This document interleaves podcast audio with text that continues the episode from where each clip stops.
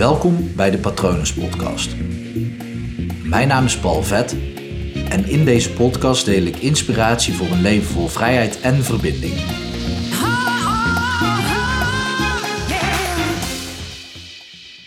Zo, ik neem net een slok van mijn thee die ik vandaag heb gehaald. Uh, Gyukuru thee. ik moest even drie keer nadenken hoe dat ik het moest uitspreken, maar Gyukuru. En wat zo bijzonder aan die thee is, ik moet uh, eerlijk zeggen, dit is de tweede keer dat ik hem heb uh, opgeschonken.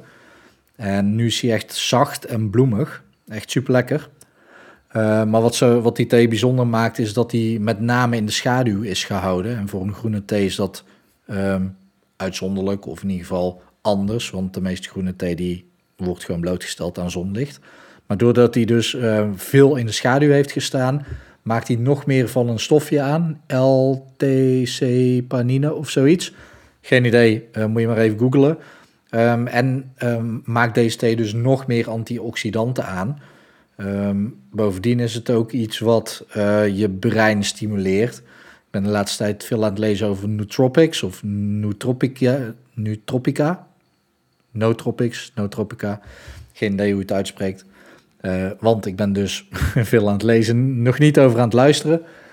Um, ik weet wel dat er in Nederland een bedrijf is, Nutrofit, dus zo zal je het ook wel uitspreken. Dat is van Wigert Meerman en... Geen idee hoe die andere gast heet van de, van de eindbazen. In ieder geval Michel volgens mij, Michel Smit. Geen idee, ik weet niet zeker. Ik weet heel veel niet. Uh, maar goed, uh, hij is erg lekker en uh, daar was ik blij door verrast. En dat wilde ik even tegen je zeggen, want ik ging toch net opnemen. Waar ik het vooral even over wil hebben is, je merkt nu in deze tijd dat internet uh, veelvuldig gebruikt wordt om te connecten met elkaar. Echt superveel. Uh, en je merkt aan deze tijd dat we heel veel veranderingen hebben doorgemaakt, waardoor onze patronen worden blootgelegd. Ik heb daar in een eerdere aflevering ook over gesproken. Doordat patronen worden blootgelegd, um, ja, kan je ook makkelijker weten wie jij bent en wat jouw basisbehoeftes zijn. Volgens mij heb ik het hier uitgebreid over gehad in aflevering 150. Uh, die moet je sowieso even checken. Is range van 44 minuten. Pak pen en papier erbij en uh, ga er goed voor zitten, zou ik zeggen. Uh, maar die twee dingen, die zorgden bij mij voor een vraag. Wat zou je nu doen op het moment als internet ook langdurig uit zou vallen? Um, los van misschien schrikken en los van je werkzaamheden die je moet verrichten. Um, kijk, als je een ondernemer bent, dan is de kans groot dat je het heel erg van online moet hebben op dit moment. Um, maar dat is niet wat ik bedoel. Ik bedoel echt op persoonlijk vlak. Wat zou je dan gaan doen? Zou je bijvoorbeeld meer boeken gaan lezen? Zou je meer gaan schrijven?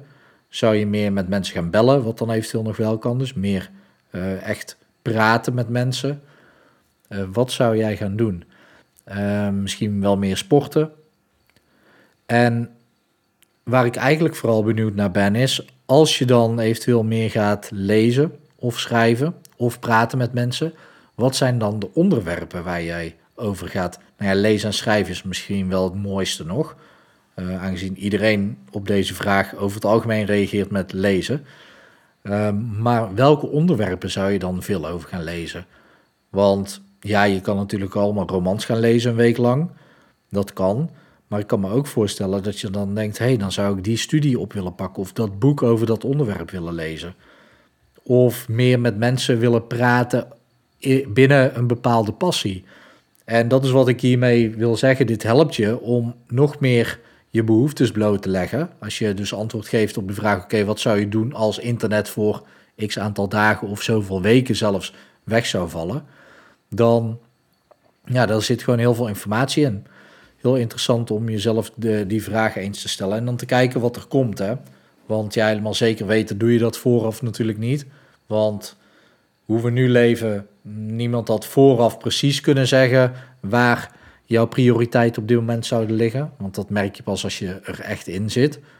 Sowieso, mocht het je gewoon kun, uh, kunnen lukken, ja, in deze tijd is het misschien nog moeilijker om gewoon een week geen internet te gebruiken.